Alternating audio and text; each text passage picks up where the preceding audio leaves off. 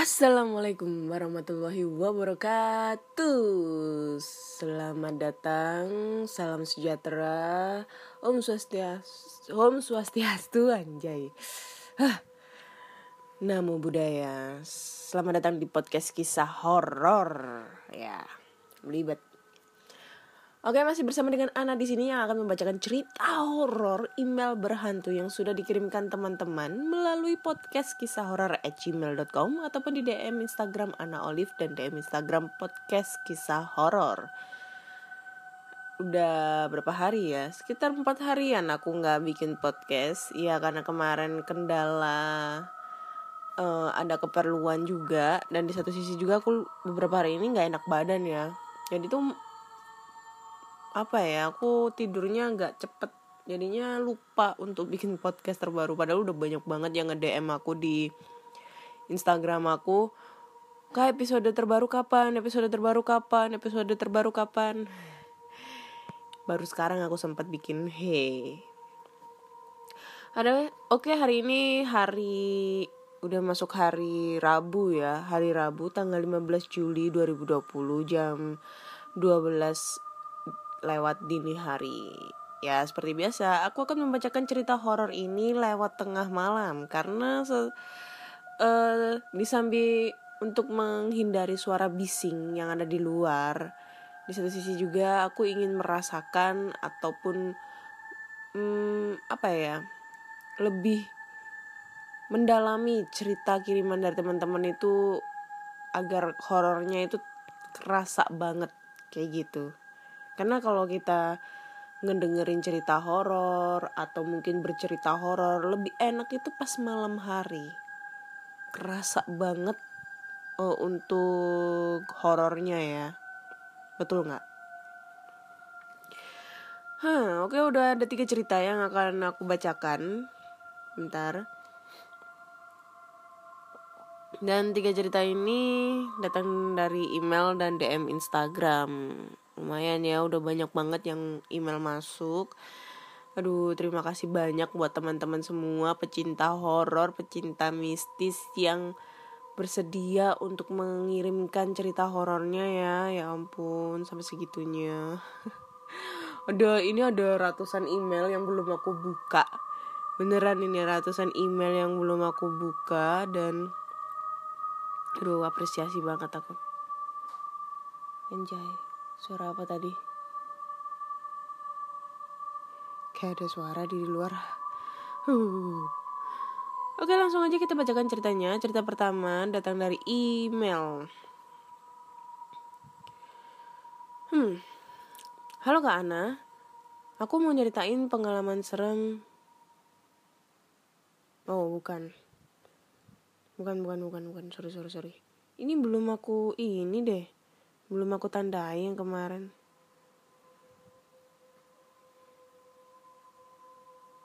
Ini udah. Nah, ini nih nih.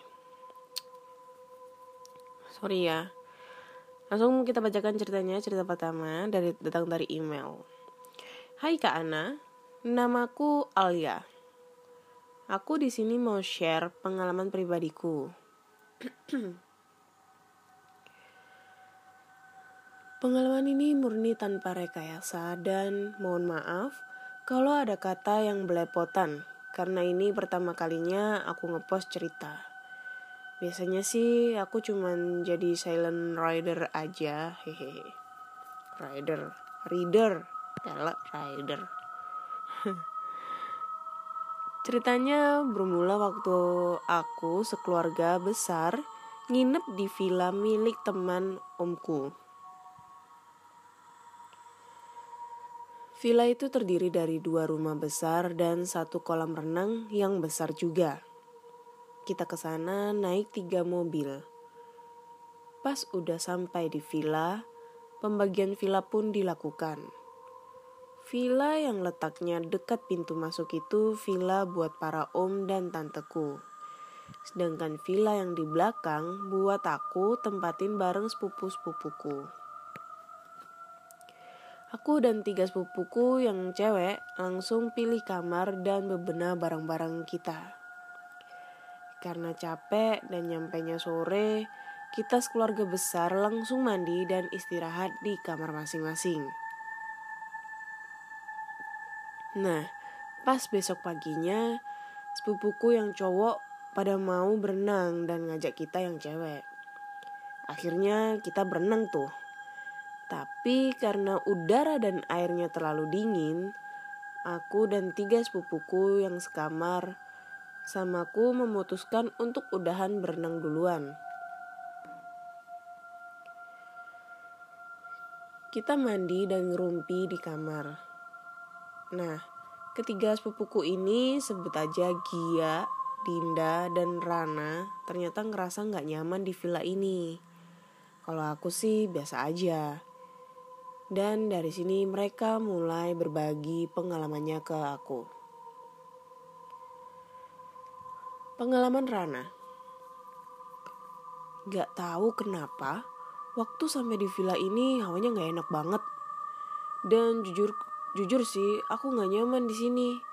Dan bener aja, waktu tadi mau berenang, sebenarnya di pinggir kolam aku ngeliat ada cewek pakai baju renang, tapi udah compang camping lagi duduk sambil ngeliatin kita. Entah kenapa dia nggak begitu serem bagi gue. tapi tatapannya tajam dan kulitnya pucet berkoreng. Ya jelas aku takut dan ngajak kalian udahan. Rana ini anaknya om aku, yang temennya si empunya villa. Dia juga yang punya six sense. Oke lanjut kedua pengalaman dari Dinda. Kalau gue sih ya semalam gue mimpi aneh. Gue mimpi ketemu cewek yang mirip kayak yang lo ceritain Ran. Dan si cewek itu ngajak gue ikut sama dia untuk lewat jalan di samping taman. Gue juga gak tahu itu jalan beneran ada. Tapi gue mutusin untuk gak ikut dia dan balik ke villa. Eh, gue kebangun dan gak taunya udah per, udah pagi. Si Dina ini gak punya six sense dan sama cueknya kayak gue. Oke, lanjut pengalaman ketiga yaitu pengalaman dari Gia. Waktu baru datang ke sini, aku nemuin gelang. Kata Gia. Sontak kita kaget dan nanya sama dia yang macem-macem. Lalu dia jalan ke lemari di samping kasurnya. Terus balik-balik bawa gelang. Nih gelangnya sebenarnya aku sih aku mikir mau nyimpen nih gelang dan mau aku bawa pulang tapi aku takut ada apa-apa sama gelang ini rencana aku sih ngasih tahu mamaku sama bapakku kalau tentang gelang ini menurut aku sih gelangnya lumayan bagus rantai besi gitu terus ada beberapa bandulnya antara lain hati, bunga, bintang, dan bulan sabit. Penemuan gelang ini mendorong kita berempat buat nyari tahu asal-usul gelang ini. Kebetulan, pas lagi jalan keluar villa, kita ketemu sama tukang kebun villa. Setelah wawancara, kita dapat satu cerita.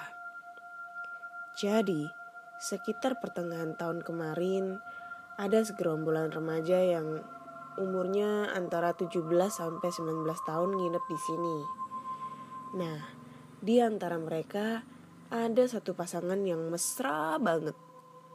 Terus, waktu sore yang sekaligus malam terakhir mereka di sini, sepasang remaja ini berenang di kolam. Di kolamnya tuh ada bagian yang 3 meter memang. Dan Entah bagaimana ceritanya, Karena si tukang kebun gak tahu pasti, waktu pagi hari si tukang kebun mau benahin taman di dekat kolam. Dia lihat cewek itu udah ngapung sendirian di kolam. Dan pas si tukang kebun nyamperin, dia pakai gelang yang persis kayak yang Gia temuin. Teman-temannya udah pulang dari villa tersebut. Panik, si tukang kebun panggil polisi dan mayatnya diurus sama polisi. Dan ternyata arwahnya bersemayam di sini. Setelah tahu cerita itu, kita ke orang tua masing-masing. Dan cerita semuanya sama. Mereka sama mereka dan mutusin pulang besok. Akhirnya besok pagi kita pulang. Kita berempat memperkirakan gelang ini jatuh waktu mayat si cewek ini diangkat sama tim medis. Udah sampai situ ceritanya kak. Mohon maaf kalau ada salah kata dan kepanjangan. Oke, okay. terima kasih Kak Alia buat ceritanya ya. Hmm. Lumayan ya, lumayan serem. Jadi apa ya? apa kejam juga ya maksudnya teman-teman dari arwah korban si cewek ini termasuk pacarnya sendiri ya ke mungkin ya kalau bisa dikatakan si cewek ini tenggelam ya si cewek ini tenggelam. Terus temen-temennya nggak bisa nolongin. Akhirnya cewek ini meninggal karena takut ada kenapa-napa. Maksudnya takut mereka ditangkap polisi diinterogasi polisi. Akhirnya mereka lebih memilih untuk pergi. Itu dan membiarkan jenazah temannya ini mengapung aja di kolam renang. Lalu definisi kedua itu bisa jadi mungkin ada cekcok dengan pacarnya ya. Ada cekcok dengan pacarnya lalu ya namanya juga di kolam renang cekcok akhirnya si cowok ini kalap mungkin gelap mata akhirnya men kayak apa ya kayak membenamkan si ceweknya ini di air karena susah nafas akhirnya tenggelam meninggal seketika di situ dan akhirnya ia dan teman-temannya pergi meninggalkan lokasi tersebut karena takut akan si cowok takut. Ya karena takut mereka disangka melakukan pembunuhan berencana kayak gitu. Kalau aku sih bisa menangkapnya kayak gitu ya untuk sesi cerita pada saat kejadian tersebut. Ya tergantung itu semua sih. Janganlah. Kalau semisalnya kalian itu ada masalah ada suatu masalah. Ya kayak saya ini ya. Woi curhat nih aku. Aku kemarin lagi banyak masalah nih sama mantan aku. Yang sekarang udah jadi mantan karena udah baru satu minggu kita putus cile. Jadi sesuatu hal itu harus diselesaikan dengan kepala dingin. Kayak gitu. Kemarin itu bener. Aku itu makanya empat hari ini aku gak bikin podcast. Itu kenapa ya aku sedikit cerita ya. Aku cekcok dengan mantan aku terus punya masalah di keluarga juga ya. Budrek akhirnya kepudrek banget pusing pikiran apa ya kepala otak aduh semuanya tuh kayak campur aduk lah.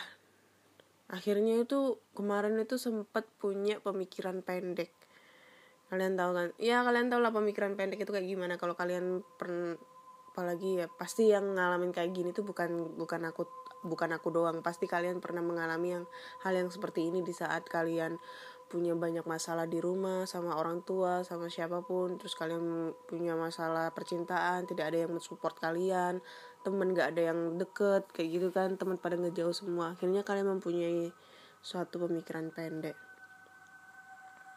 dari situ aku sempat berpikir mau bunuh diri kan. Beneran gak bohong ini aku sempat mau bunuh diri. Aku minta maaf semua ke semua teman-temanku aku DM di Instagram aku chat di WA semua. Sam sampai mikir. Lucunya ini mikir gini ini aku mau bunuh diri macam apa ya? Mau nyilet tangan? Kerasa banget sakitnya. Minum racun? Ya? Racun apa nih? Terus mau bunuh diri gantung diri gitu ya gantung diri di mana? Gitu sempat mikir. Sampai ada salah satu teman aku ghoster bilang gini lo kalau mau bunuh diri bilang sama aku dulu video call aku dulu dan cari lokasi yang emang bener-bener bukan di deket rumahmu atau jangan di dalam rumah. Karena di saat kamu sudah bunuh diri aku mau explore tempat itu kan kurang ajar banget kan teman aku anjir lah. Dia mau explore mau explore tempat lokasi aku bunuh diri. Gila kan? Eh, akhirnya ya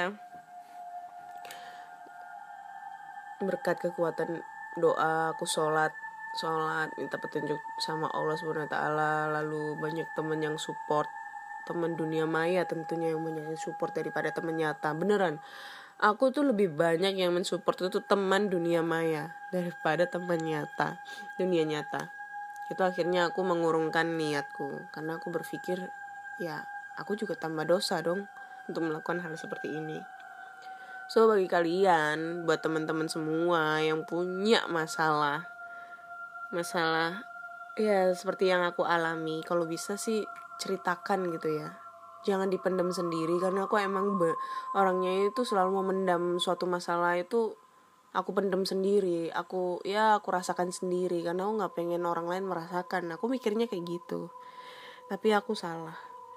Karena sesuatu hal itu kalau bisa itu kita ceritakan agar unek-unek kita itu hmm, unek-unek kita itu keluar semua gitulah apa yang kita alami. Kayak gitu ini ceritanya bukan jadi cerita horor ini cerita sesi curhat curhat ini curhat ya masalah hati nih Gila. Oke. Lanjut ke cerita kedua ya. Cerita kedua datang dari DM Instagram. Halo Kak Ana, halo juga. Namaku Aisyah. Aisyah telah pergi. Hei. Aku akan menceritakan sebuah kematian seorang nenek yang bernama Nenek Ani yang sangat tidak wajar sekali. Kejadian ini terjadi pada suatu malam. Ada seorang nenek yang bernama Ani sedang berjalan kaki untuk membeli makanan ketika malam itu. Tapi saat sedang menyeberang jalan, tiba-tiba dari arah yang tidak terduga muncul dua truk gandeng, satu mobil, dan satu sepeda motor yang menabraknya. Akhirnya nenek Ani itu pun terpental sangat jauh di jalan dan badannya terpisah-pisah. Anjir. Di dalam cerita ini aku akan memberi sebuah saran kepada kalian yang membaca cerita ini agar percaya pada cerita ini. Hmm. Karena ini sangat nyata terjadi dan aku mempunyai beberapa bukti yang kuat. Dan bagi orang yang tidak percaya dengan cerita ini akan mendapatkan musibah yang tidak terduga. Percaya atau tidak percaya, semua itu tergantung keyakinan. Betul, kenapa kamu memaksa aku untuk percaya? Aneh kamu. Bukti pertama. Ada seorang nenek, eh seorang nenek, ada seorang anak yang bernama Mulyadi yang tiba-tiba terbangun di saat tidur karena pintu kamarnya diketuk dan setelah dibuka, ternyata itu adalah hantu nenek Ani tanpa kepala. Bukti kedua, ada seorang anak yang bernama Alvin yang di saat tidur terbangun karena mendengar ada suara yang sangat gaduh. Dan ketika dia melihat suasana di dalam kamarnya, tiba-tiba muncul sesosok kepala hantu nenek Ani dari dalam lemari kamarnya. Bukti ketiga, ada seorang anak yang bernama Mukia yang sedang membaca buku. Dan dia mulai mendengar suara seperti ada orang yang menggedor-gedor jendelanya.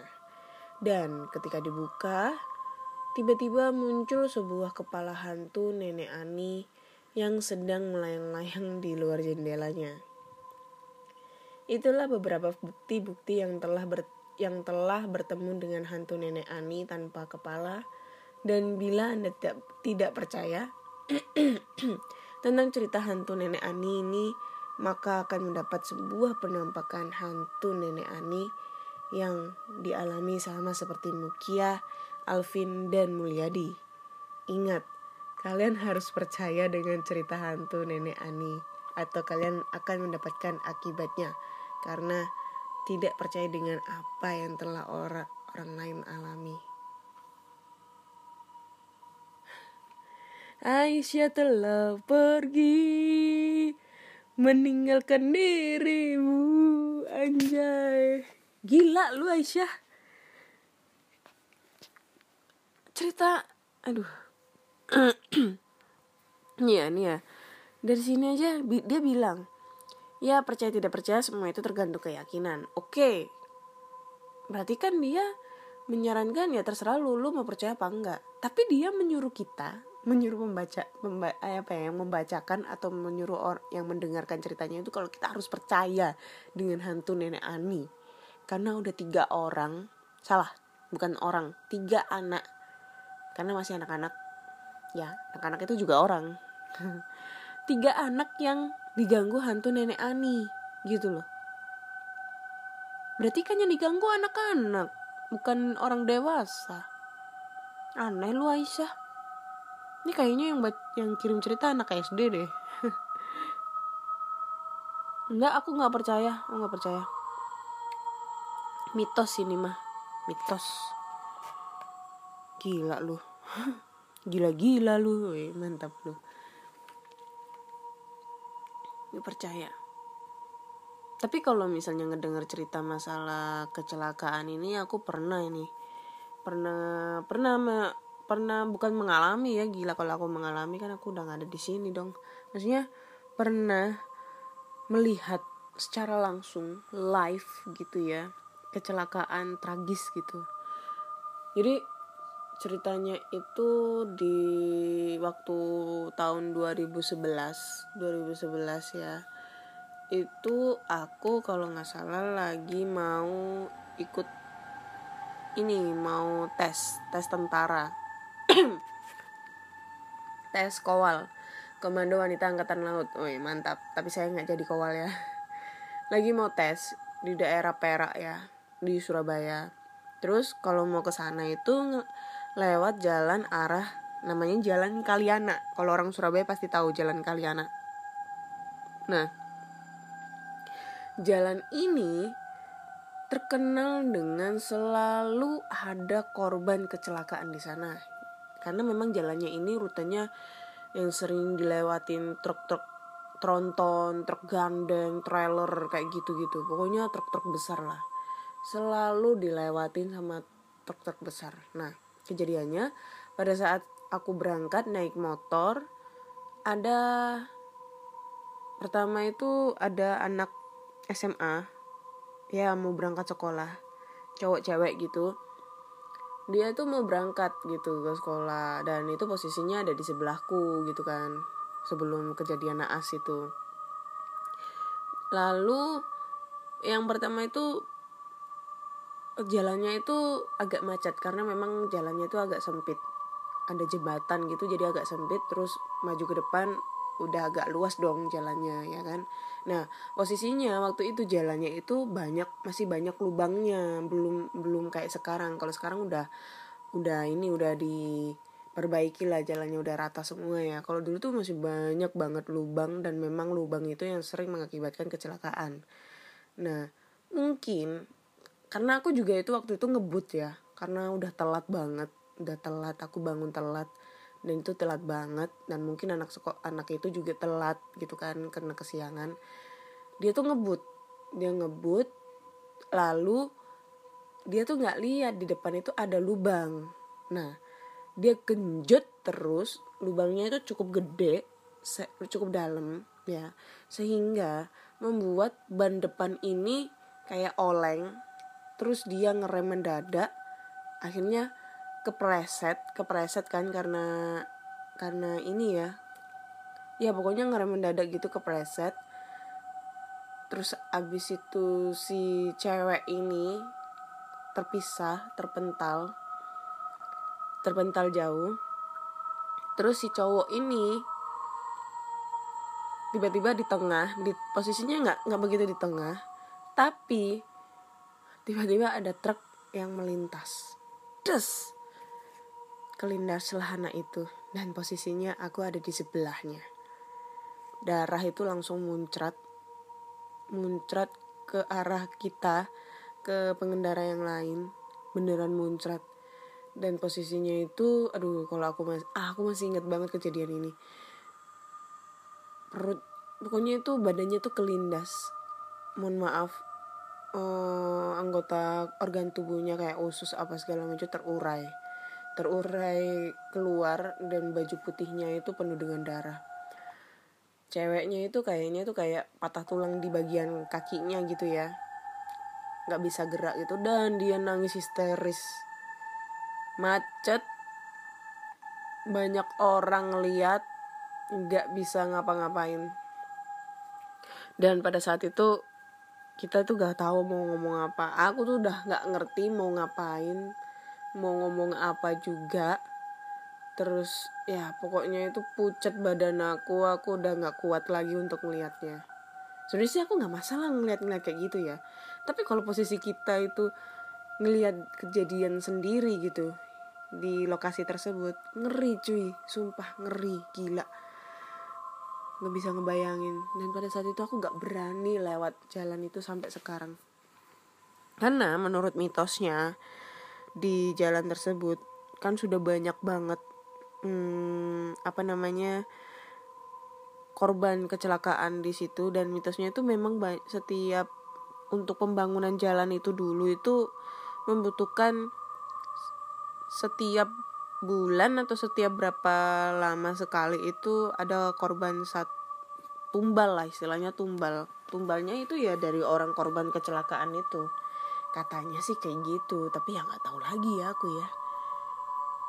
Wallahualam sih. Hmm. Makanya aku kalau lewat situ mending aku naik mobil. Nggak pernah naik motor takut aku. Beneran. Terus apa lagi ya udah sih itu itu aja sih. Kepanjangan ntar aku ceritanya. Nanti bosen lagi pendengar pencinta horor ini. Aduh jangan jangan jangan jangan. Nanti peringkat podcastku menurun nanti. Kemarin peringkat podcast udah 150 sekarang udah 130-an oke lanjut kita ke cerita ketiga cerita terakhir. Datang dari Eni oke Halo Kak Ana, halo juga. Nama aku Eni. Aku ingin bercerita horor yang dialami oleh bibiku. Bibiku ini bernama Rati dan kebetulan ia bekerja sebagai security di sebuah sekolah swasta. sebagai seorang security di sebuah sekolah, bibiku tidak hanya bekerja untuk menjaga keamanan, namun, ia juga harus memanggil murid-murid yang dijemput oleh orang tuanya. Suatu ketika, ada orang tua yang ingin menjemput anaknya. Karena anak tersebut tidak ada di lobi sekolah, maka bibiku harus mencarinya di kelas. Ketika telah sampai di kelas, ia pun melihat apakah ada anak di dalam kelas karena memang murid-murid sering main di kelas jika belum dijemput oleh orang tuanya. Ketika melihat ke dalam kelas, bibiku melihat murid itu seorang diri sedang di kelas, namun dalam keadaan sedang tidur di atas meja. Jesselyn, Jesselyn, anjay nama Jesselyn cuy. Ayo pulang, udah dijemput nih, bibiku memanggil. Murid itu kemudian bangun dan berjalan menghampiri bibiku. Karena merasa murid itu telah bangun dan mau keluar, bibiku segera membalikan badan dan turun ke lobi sekolah. Dalam perjalanan turun, bibiku sangat yakin bahwa murid itu mengikutinya dari belakang Walaupun bibiku tidak melihat ke belakang, apakah benar ada di belakang atau tidak, karena terdengar langkah kakinya. Setelah sampai ke lobi sekolah, bibiku segera dihampiri oleh orang tua murid itu. Anak saya mana, Bu? Tanya orang tuanya. Ini, Bu. Jawab bibiku sambil menoleh ke belakang. Namun, ketika menoleh ke belakang, ternyata tidak ada siapa-siapa. Tadi anaknya di belakang saya, Bu. Jawab bibiku dengan bingung. Tanpa pikir panjang, bibiku segera kembali ke kelas untuk mengecek murid itu. Sebentar ya, Bu, saya lihat lagi di kelas. Jawab bibiku sambil berlalu pergi. Setelah sampai di kelas, Bibiku melongok kembali ke dalam kelas dan melihat murid itu sedang tidur sama persis seperti saat bibiku melihatnya tadi. Tidak mau kecolongan lagi, bibiku segera menghampiri murid itu dan membangunkannya. Jiselin, Jiselin, ayo pulang, kata bibiku membangunkannya. Udah dijemput sama orang tuamu. Lalu murid itu berta bertanya, "Udah dijemput?" Tanya murid itu yang baru bangun sambil mengucuk matanya. "Iya, udah kok. Ayo," jawab bibiku. Mereka berdua pun berjalan menuju lobi. Ketika sedang turun, bibiku bertanya pada anak itu, "Tadi udah turun, kok balik lagi ke kelas?" "Turun ke mana, Bu?" Tanya anak itu. Tadi kan udah turun ke lobi bareng ibu. Kok naik lagi ke kelas? Tanya bibiku. Enggak kok. Dari tadi aku tidur di kelas. Gak ada yang bangunin. Jawab anak itu. Huh. Bibiku terdiam dan bertanya-tanya dalam hati. Jadi tadi siapa yang keluar kelas dan mengikutiku? Udah. Anjay. Ceritanya udah. Oke, cerita ketiga nih. Jadi ceritanya bibinya diganggu sama hantu anak sekolahan ya pada saat dia mau ngebangunin salah satu murid karena dijemput sama orang tuanya. Hmm. Kurang greget ya. Ceritanya kurang greget. Masih greget cerita pertama sih ya. Hmm. Kayaknya udah dulu deh ceritanya. Udah tiga cerita yang udah aku bacain. Jadi penilaian kalian dari cerita 1, 2, dan 3 Cerita pertama 2 dan 3 Ini yang paling greget itu, paling horor itu, paling serem itu menurut kalian cerita yang nomor berapa? Cerita keberapa? Kalau aku sih cerita pertama lumayan ya. Cerita pertama itu lumayan. Yang cerita kedua hoax banget. Yang cerita ketiga agak kurang greget. Tapi itu ya tergantung dengan kalian ya. Kalian menilai cerita ini serem apa enggak itu terserah kalian oke? Okay? Oke cukup sekian dulu cerita kali ini. Udah ada tiga cerita yang aku bacakan. So jika kalian yang punya cerita horor Entah itu cerita dari kakak, adik, nenek, kakek, ayah, ibu, bunda, papa, apalah segala macam Atau tetangga kalian ataupun dari teman-teman kalian Kalian bisa langsung aja kirim ceritanya ke podcast kisah horor at gmail.com podcast kisah horor at gmail.com atau bisa langsung aja kirim ke DM Instagram podcast kisah horor dan DM Instagram Ana Olive. Dan jangan lupa kalian follow ya bantu follow Instagram podcast kisah horor karena ya followersnya masih dikit guys. Masih 60 orang doang. Hei diramaikan diramaikan uh, Instagramnya ya. Dan podcast kisah horor sekarang ada di peringkat 150-an ya di Spotify.